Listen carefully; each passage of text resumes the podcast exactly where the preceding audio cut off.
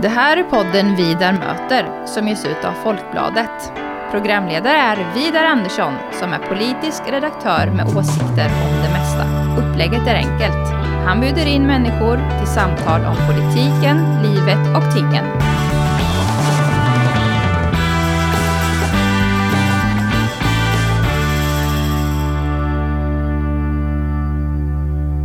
Margareta Baravas, varmt välkommen till Vidar möter. Tack så mycket. Mm. Du är ganska ny som politisk redaktör på, på Korren här i Linköping. Ja, det stämmer. Två och en halv månad har jag suttit på min plats. Ja, jag har följt dig lite. Du har inte så många år här på jorden, 23 år. Nej, det... Men jag, jag har följt dig lite och jag tycker det är väldigt intressant att läsa dig på Korrens ledarsida. Och eh, du har ju också fått ett arbete nu, en position. Det, det är eh, den största tidningen, den största ledarsidan i, eh, i koncernen. Ja, det är, man får vara väldigt ödmjuk inför det faktumet. Ja, ja. Och en av de eh, större tidningarna i Sverige också. Mm. Nästan 40 000 upplaga. Ja. ja. Och många, många läsare vid sidan av det, det digitala. Mm. Så stort grattis! Tack så mycket. Ja, det förstärker eh, tidningskoncernen och, en, och fått in en, eh, en bra spännande röst. Kul att höra. Ja. Vad jag skulle säga, din politiska hemvist, hur, hur skulle du beskriva dig? Ja, alltså jag är väl, eh, jag skulle säga att jag är väl den här eh, mittenfåran av förvirrade liberaler som eh, varken gillar vänstern men också är väldigt skeptis- skeptiska till Sverigedemokraterna. Okay. Och det är, tyvärr så finns det inte en jättestor plattform för oss, men vi finns och vi, vi kämpar. mm. Men Annie Lööf är inget alternativ för Centerpartiet, känns inte så eller? eller? Ja, alltså problemet är väl att eh, det är ett parti med väldigt eh, orealistisk syn på dels sig själva och dels på svensk politik. Mm. För eh, jag, jag tänkte nu inför det franska presidentvalet som är Mm. till exempel här 10 april första omgången. Och Macron då som kom in liksom bildade ett eget parti och bara susade in där och etablerar mitten i, i, Frankrike på ett Mm. ja, sensationellt framgångsrikt sätt och han lever vinna nästa val också. Och där jag hörde en beskrivning av Göran von Sydow på Institutet för Europastudier som talade om att han kom in som ett bowlingklot Mm. där och slog undan alla andra käklar för de var för långt till höger och långt till vänster.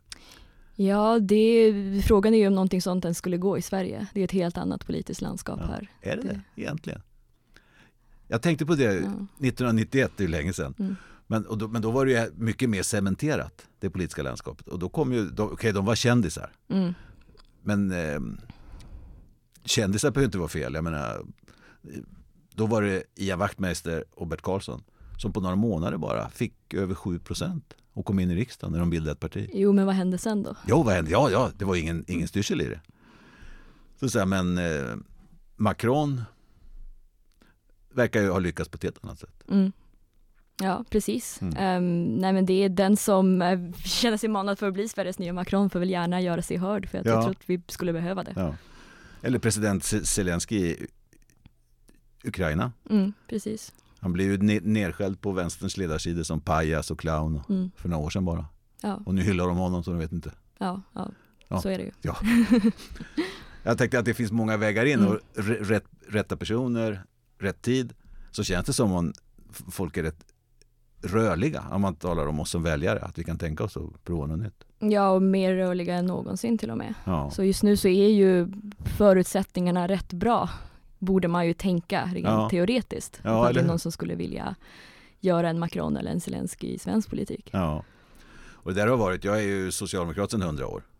Med ett, eh, vad ska jag säga, vi har ett frihet, frihetligt förhållande till varandra, jag och, och Socialdemokraterna. Mm. Som man ofta har inom Socialdemokraterna. Det finns ingen sån här trohets och att man måste tycka precis som partiet gör. Utan det är viktigt att man håller ihop när det är val, det är så det fungerar.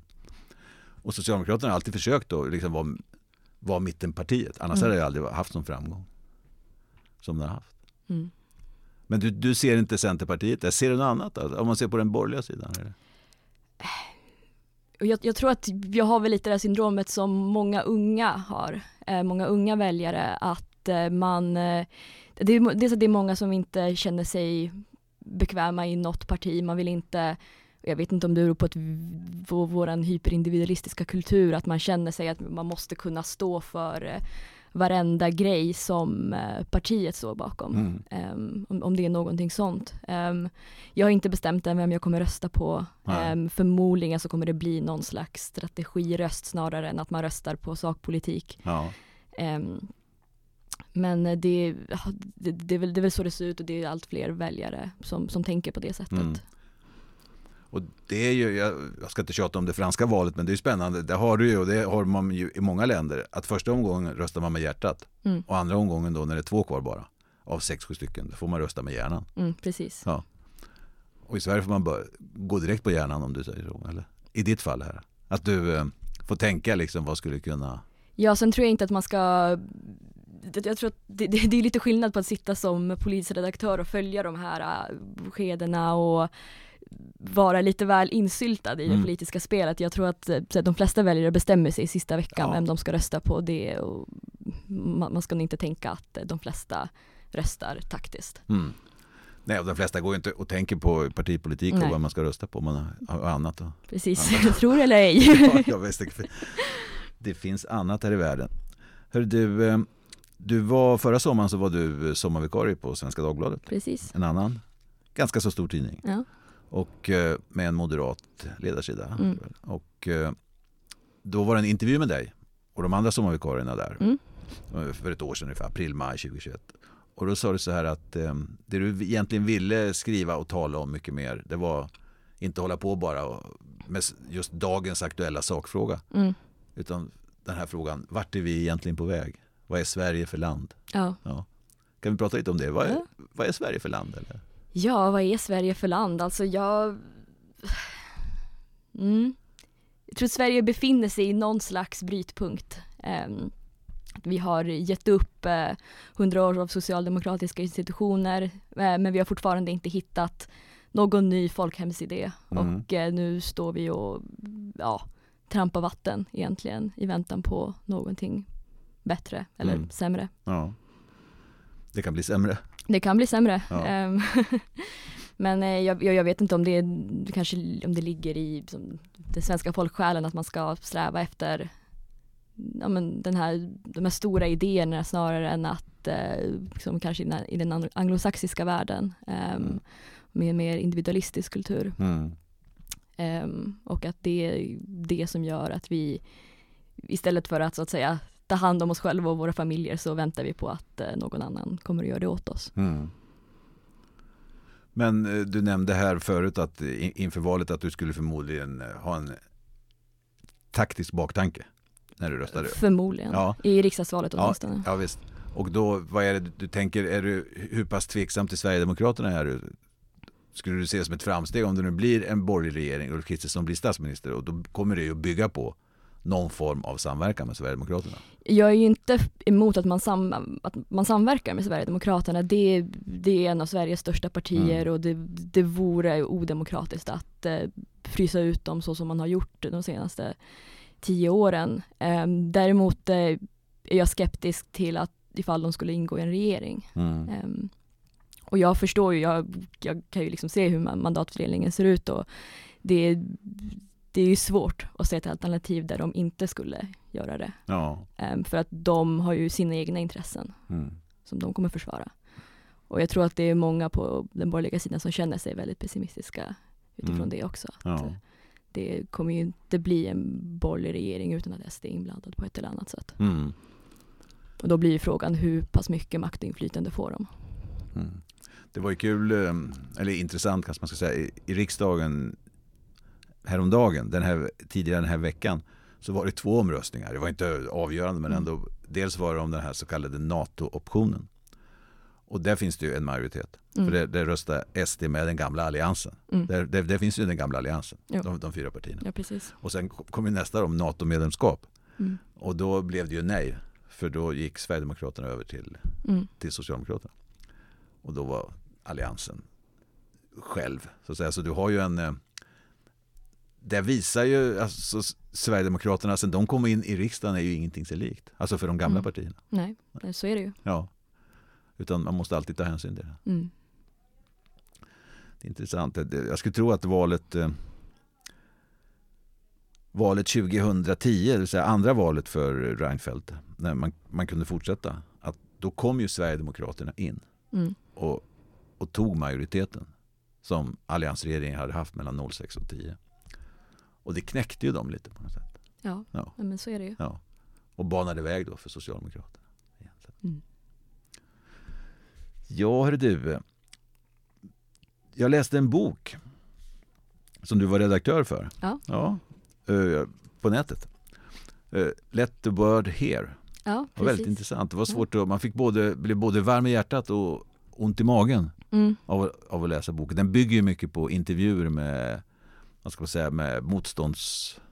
Ja, alltså vanliga belarusier Ja, egentligen. ja. Det är ju också för, ja, boken, eh, det, det är ju en antologi Mm. och den består dels av eh, intervjuer med, eh, med unga belarusier, eh, många unga, in, inte alla, Mm. ehm, som på ett eller annat sätt var med eh, under eh, de här dagarna i augusti 2020 strax efter det stulna valet Mm. och eh, folk som blev eh, misshandlade av poliser och hamnade i fängelseceller och de berättade om sina väldigt svåra och traumatiska Mm.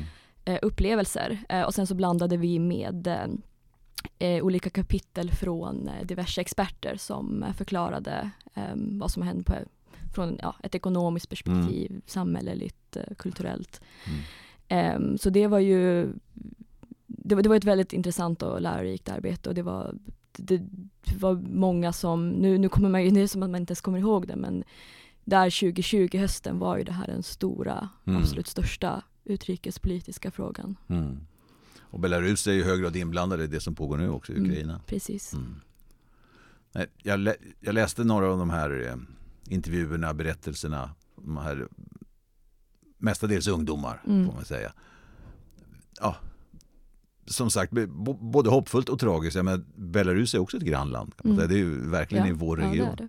Det- Och, det, och detta pågår. Liksom. Mm. Och nu pågår ett alltså, grymt eh, krig av liksom väldigt gammaldags modell. En stor här som marscherar Ja. in och bombar sönder städer.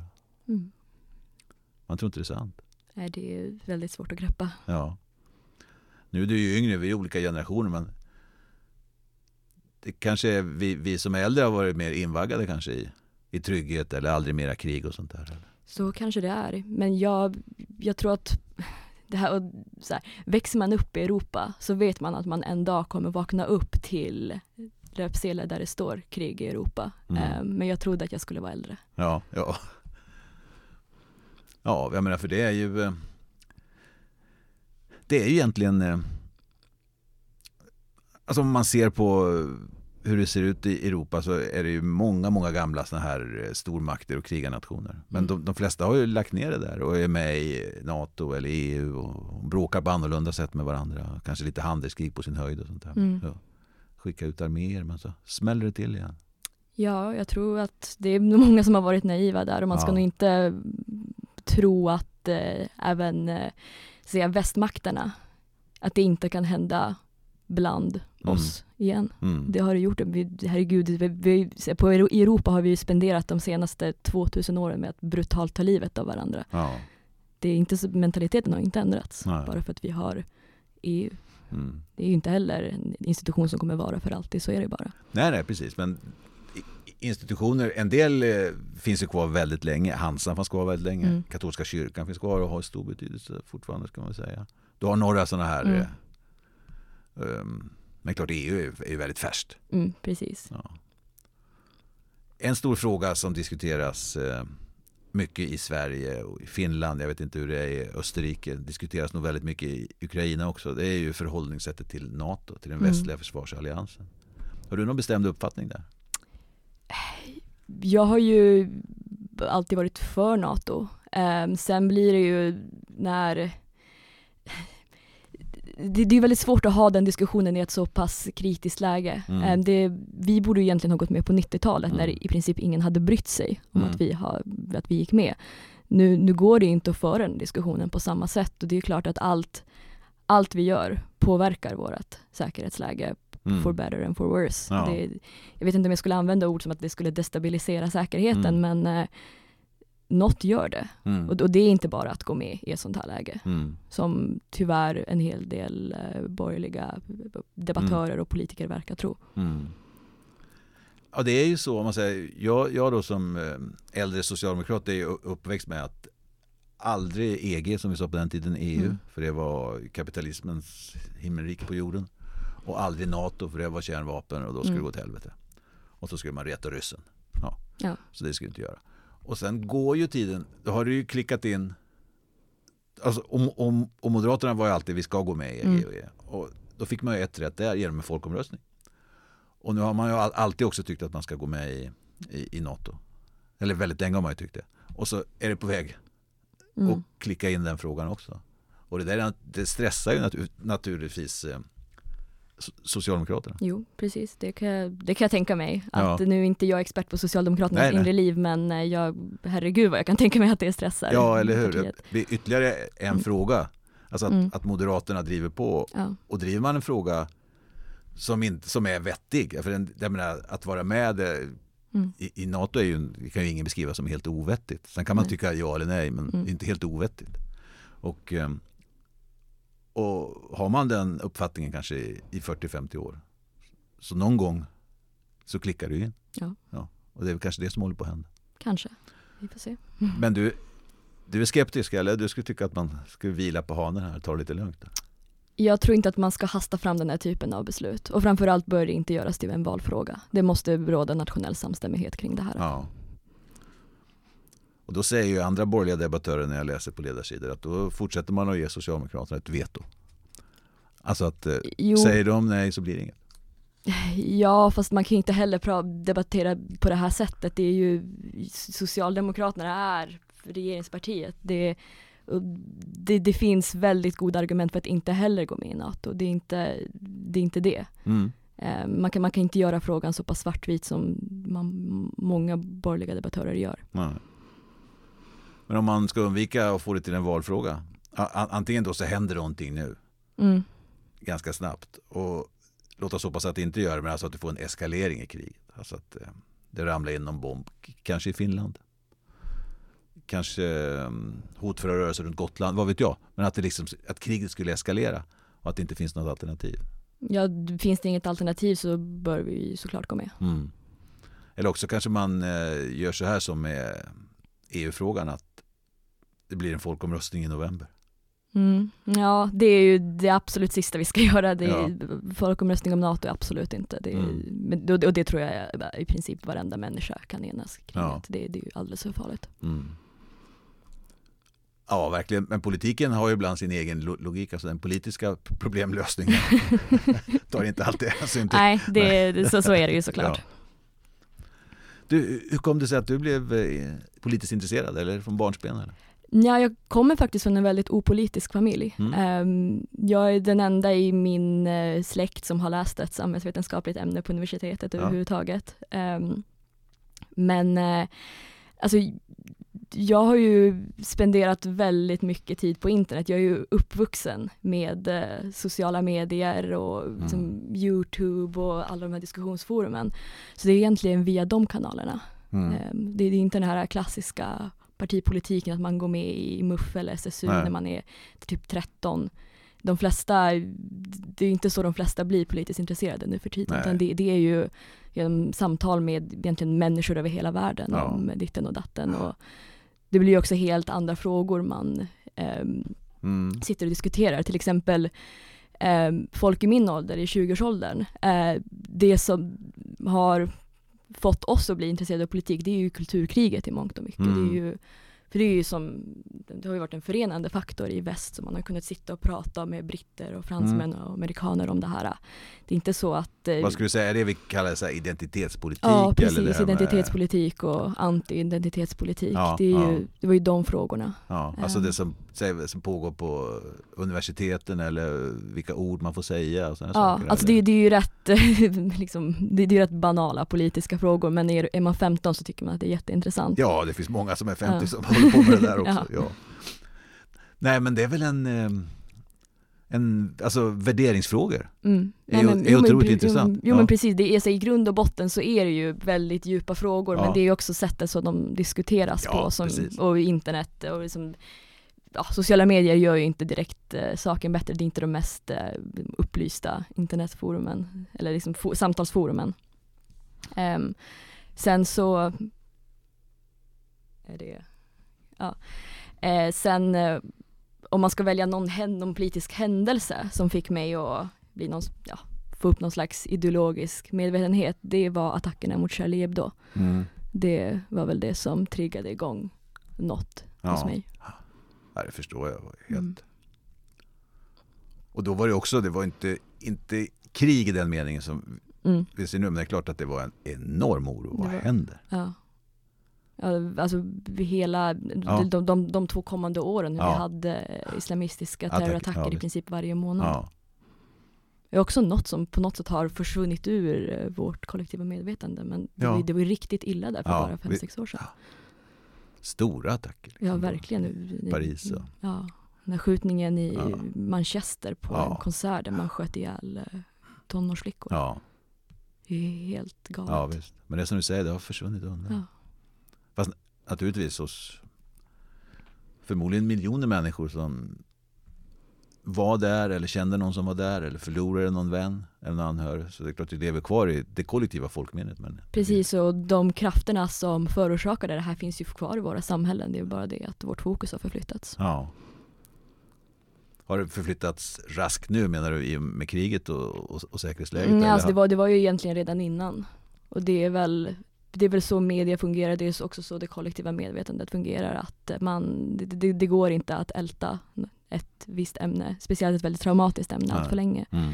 Och sen så var det ett tag att vi fick problem med högerextremister istället som Mm. eh, sköt i moskéer och Mm. högg ihjäl folk på skolor och ja, ku- kulminerade med eh, kapitol, stormningen av Kapitolium. Mm. Det, det blev ju det problemet. Ja, ja, så det blir totalt skift. ja.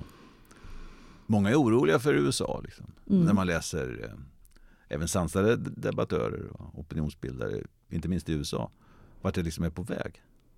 Ja, det här är ändå, som jag är uppväxt så är liksom Sverige lilla Amerika och den stora demokratin, det är världspolisen som ser till att, att det inte händer allt för mycket otrevligt i vår del av världen.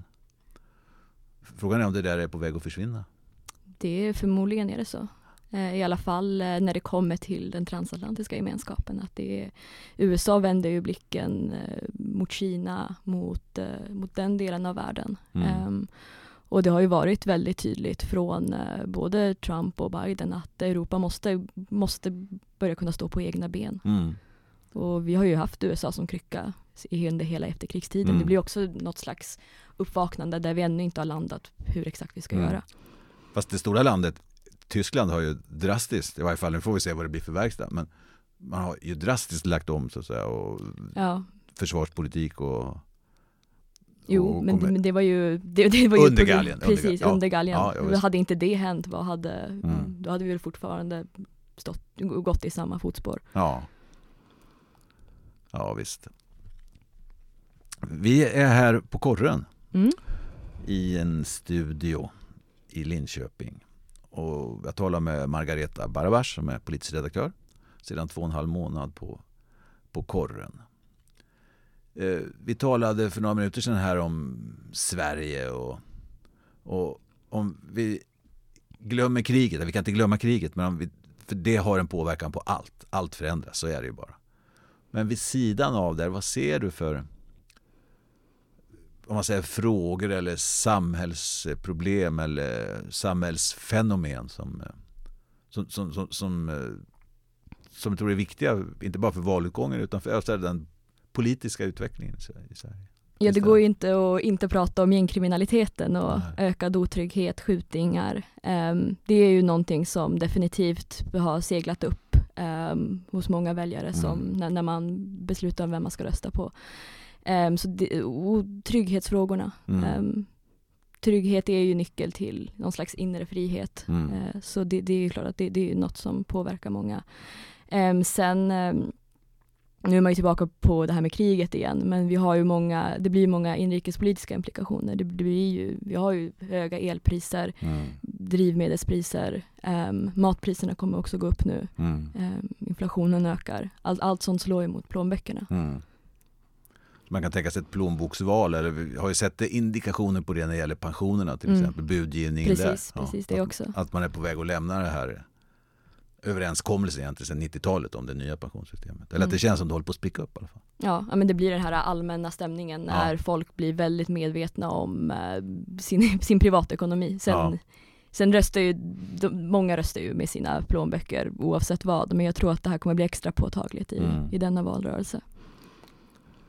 Ja, man kan ju säga att det som har hänt i politiken ändå, det är, det är ju ganska stabilt. Det som har hänt de sista 40 åren, då, det var ju valet, eh, jag kommer inte ihåg vilket val i början på 80-talet, som de första sverigedemokratiska riksdagsrösterna gick att räkna. Jag tror det var tusen stycken ungefär. Mm. Och, sånt där. och det som har hänt om 40 åren i alla fall, det är att Socialdemokraterna har tappat ungefär eh, eh, 17 procentenheter.